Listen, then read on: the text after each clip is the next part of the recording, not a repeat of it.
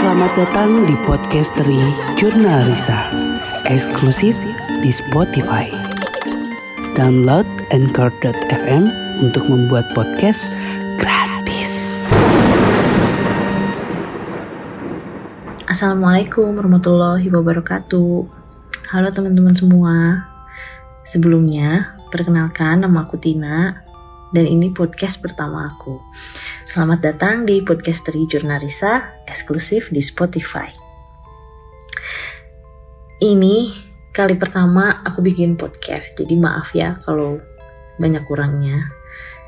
Uh, Sebenarnya aku mau ceritain pengalaman pertama aku yang berhubungan dengan hantu yang pernah aku alamin sendiri. Jadi ceritanya ini uh, terjadi waktu tahun kedua aku kuliah. Aku kuliah di ITENAS. Terus jurusan desain. Buat teman-teman yang tahu kuliah jurusan desain itu tugasnya kayak apa, uh, perkuliahannya sepadat apa, uh, pokoknya ngabisin waktu banget. Sehari-hari diemnya di kampus, terus capek, udah jelas, banyak barang yang harus dibawa, yang harus disiapin. Dan kebetulan aku itu jurusan desain produk yang di mana aku harus uh, mengeksplor dari mulai kertas, kayu, bambu, dan lain-lain.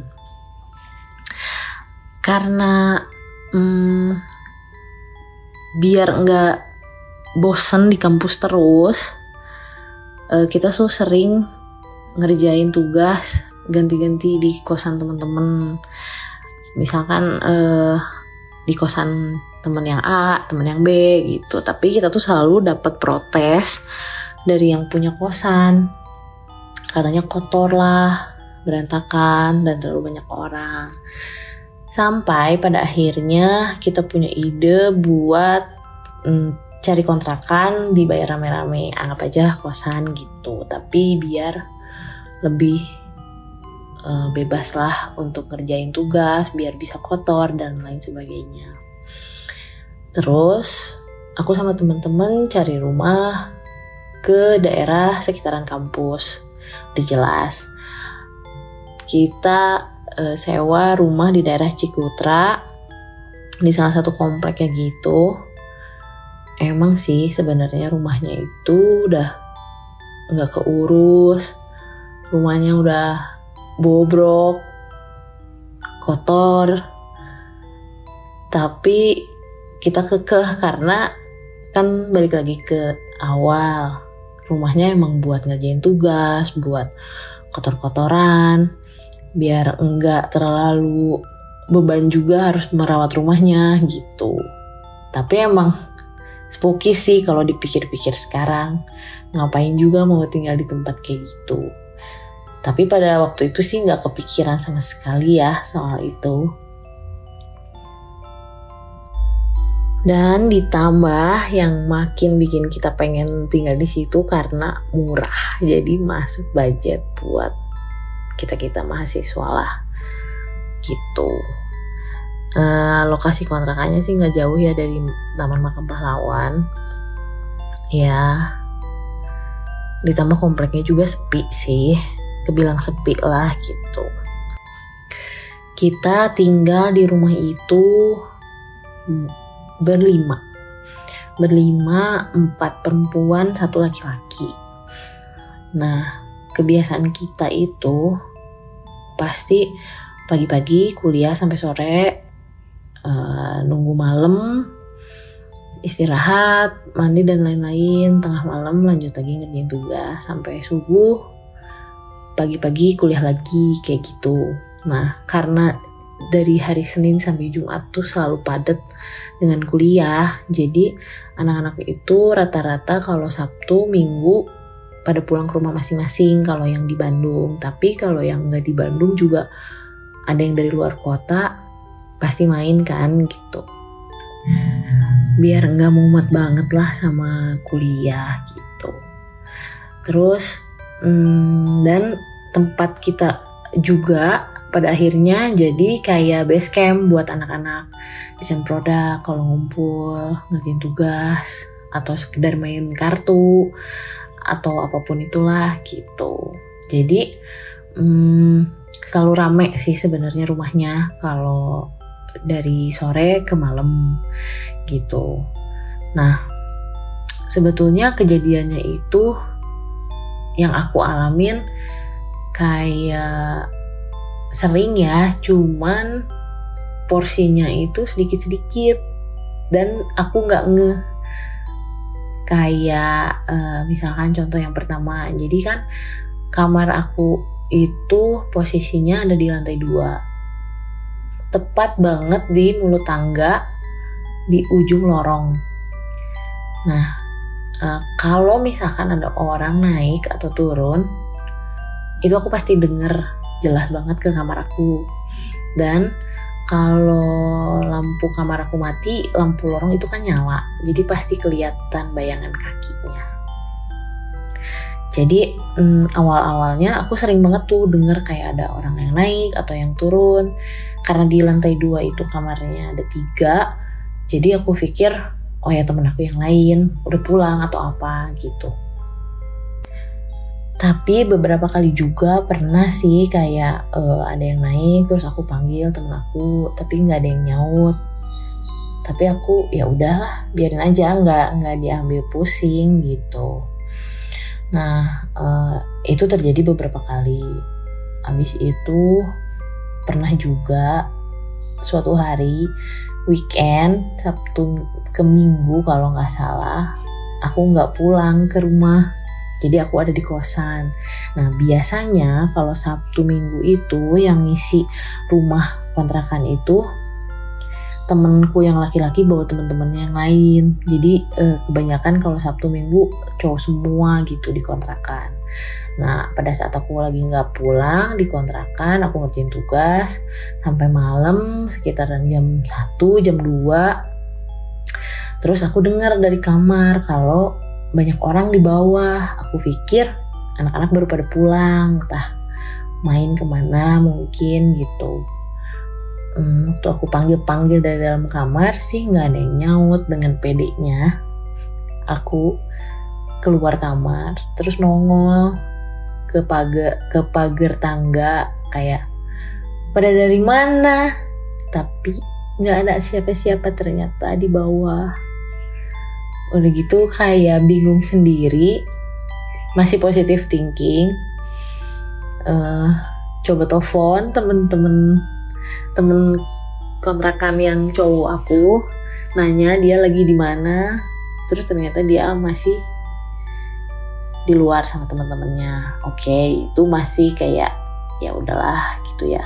Aku masih biasa aja gitu. Masih berani melanjutkan malam itu sendirian. Dan mereka baru pulang uh, sekitar jam tigaan gitu. Katanya habis nongkrong di gunung mana gitu. Habis gitu hari-hari berjalan berikutnya terus tiba-tiba hmm, ada salah satu teman aku yang pulang kampung nggak balik lagi. Nggak balik lagi ke kontrakan. Jadi kita tinggal sisa berempat tiga cowok eh tiga cewek dan satu cowok.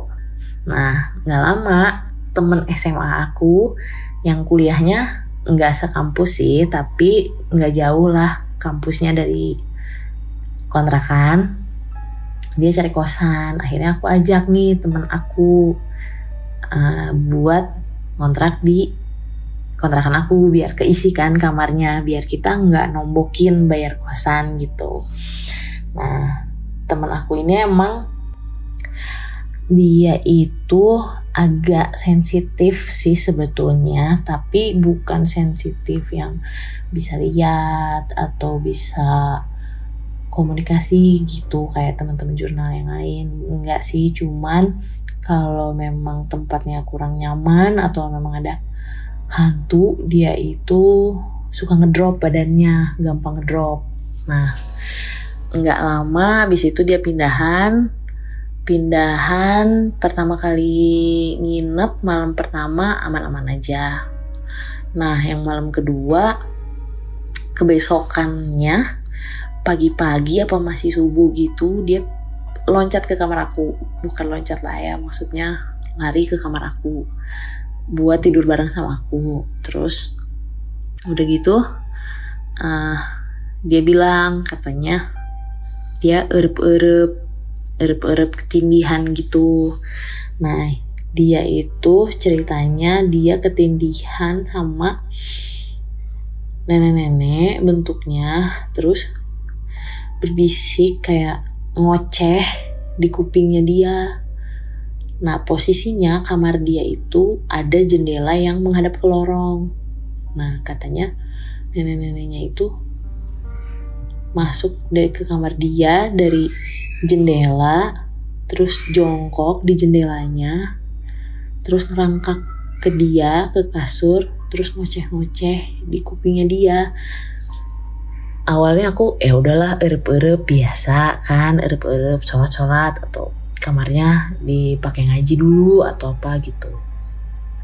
Nah abis dari situ ya udahlah Nah besokannya dia kan tidurnya sama aku karena dia masih takut. Tapi dia sakit, demam, tinggi, menggigil, sampai panasnya itu lebih dari 39 derajat. Nah hari ketiga karena dia nggak bisa kuliah juga, aku harus kuliah juga. Akhirnya dia pulang ke rumahnya. Karena di kontrakan juga nggak ada yang urus kan udah gitu uh, dua minggu dia nggak balik ke kontrakan. Nah habis dia balik lagi ke kontrakan ya udah kita sering sholat berjamaah di kamarnya dia ganti-gantian gitu. Karena ya dia yang sensitif jadi kita yang ngejaga dia lah. Kita sering ngumpulnya di kamarnya dia dan segala macam.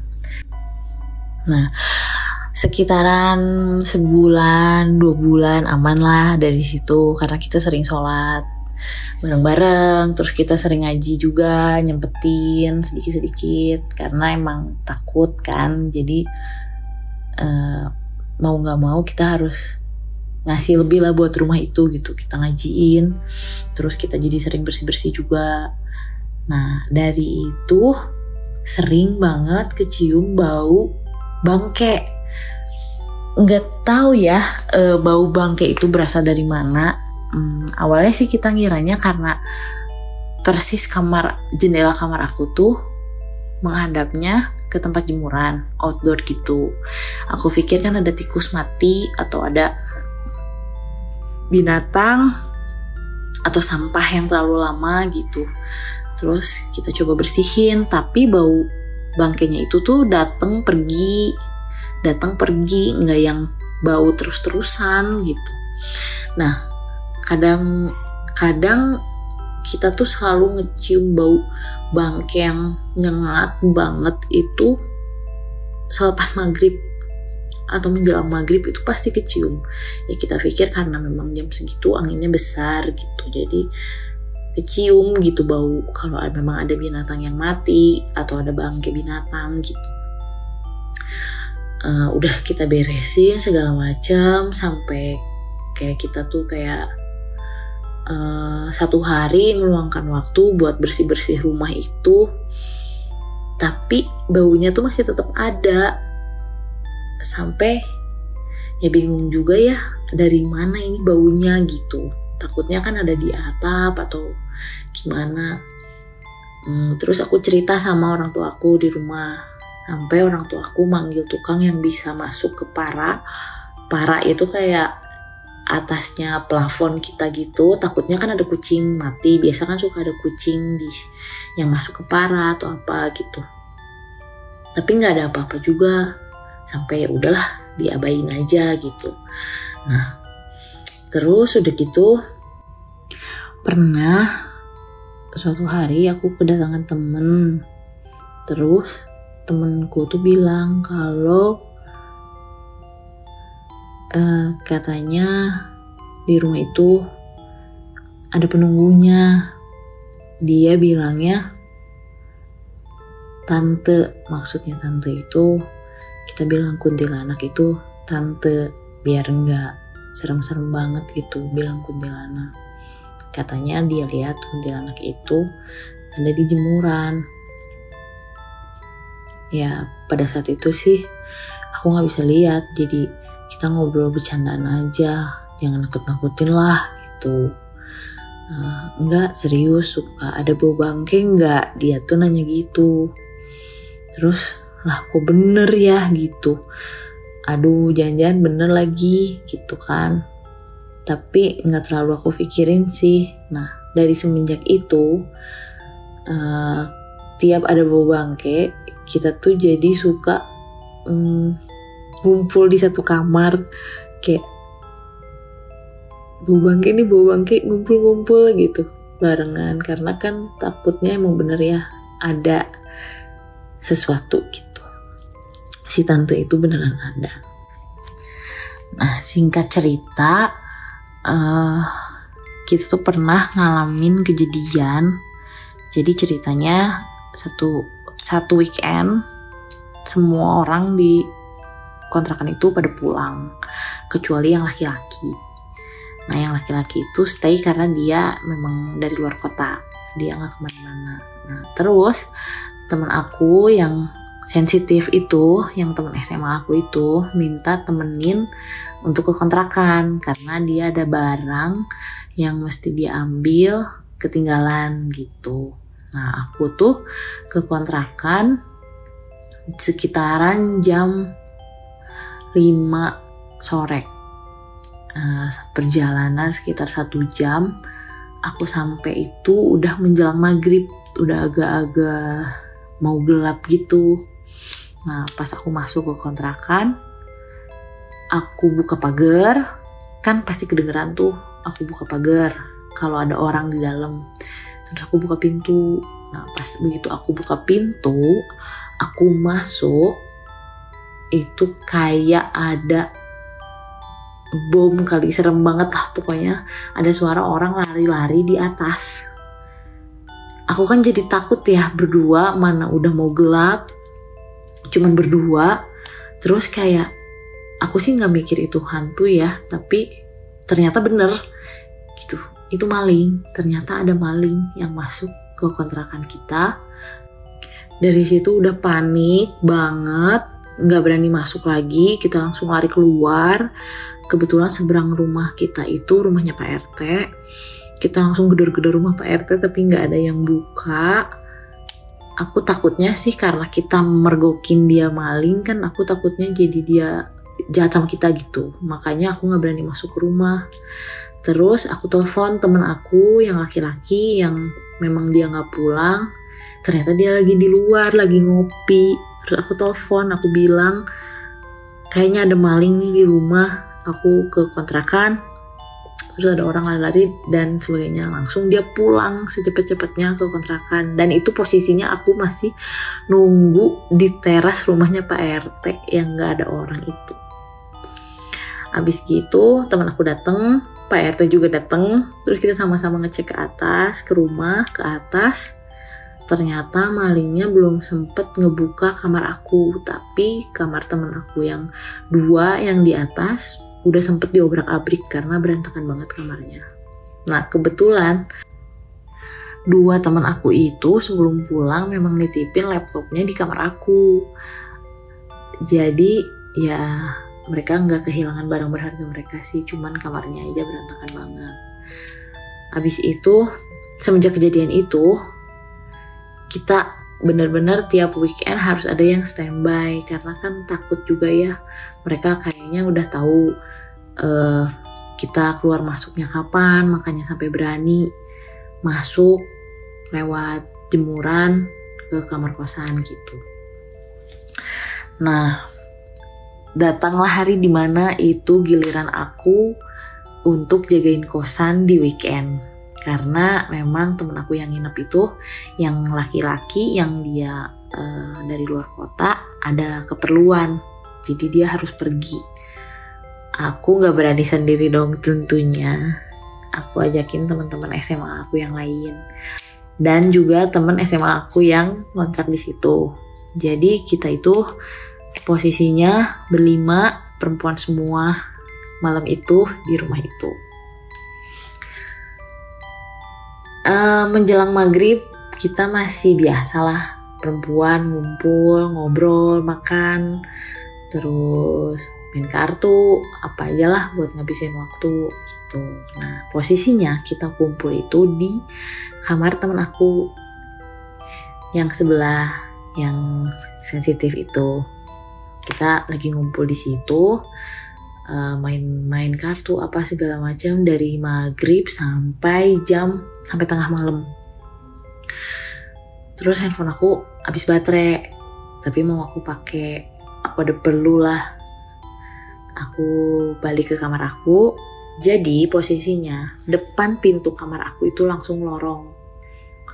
Nah depan pintu kamar aku itu kalau belok kanan langsung tangga ke bawah jadi dan aku naro meja untuk ngecas handphone karena colokannya deket banget sama pintu. Di sebelah pintu banget jadi begitu masuk itu ada meja. Aku duduk lesehan di bawah sambil ngecas. Posisi aku menghadap ke pintu. Dan pintu itu kebuka. Karena kan aku memang lagi kumpul di kamar teman aku yang sebelah. Nah pas aku lagi pegang handphone kan mata aku ke handphone ya. Terus kecium bau bangke lagi untuk pertama kalinya setelah agak beberapa lama lah nggak nggak cium bau itu.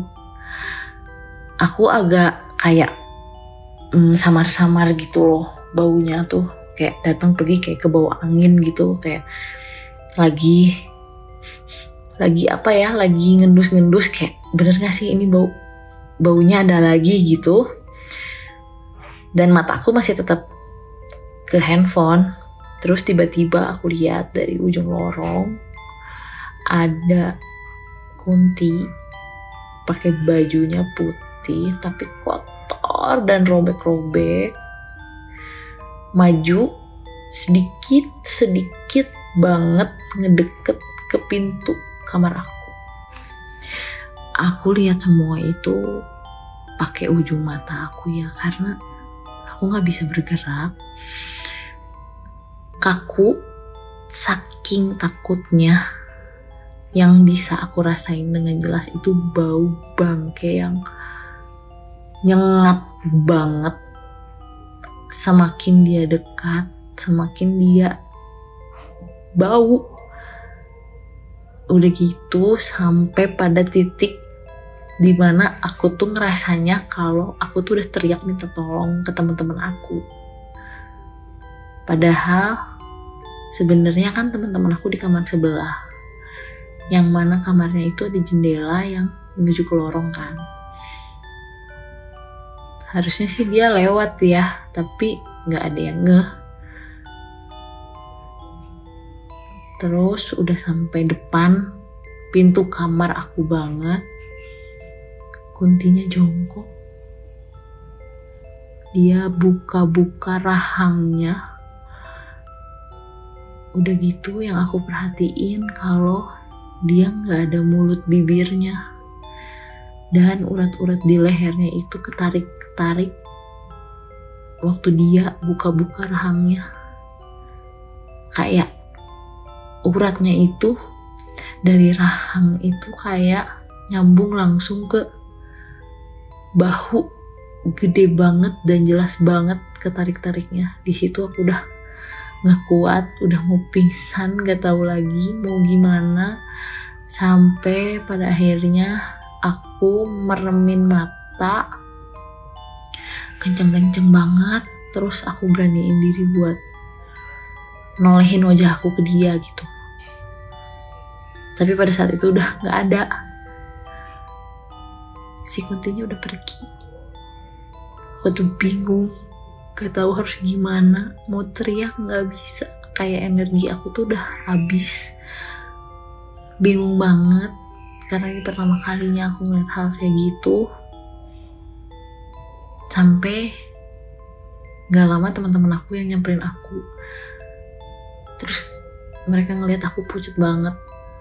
Sampai mau dibawa ke rumah untuk pulang takutnya emang aku sakit. Tapi di situ aku nggak cerita sama teman-teman aku. Karena aku takut mereka juga kabur. Jadi aku keep aja cuman bilang gak enak badan terus nggak lama kita lanjut tidur rame-rame.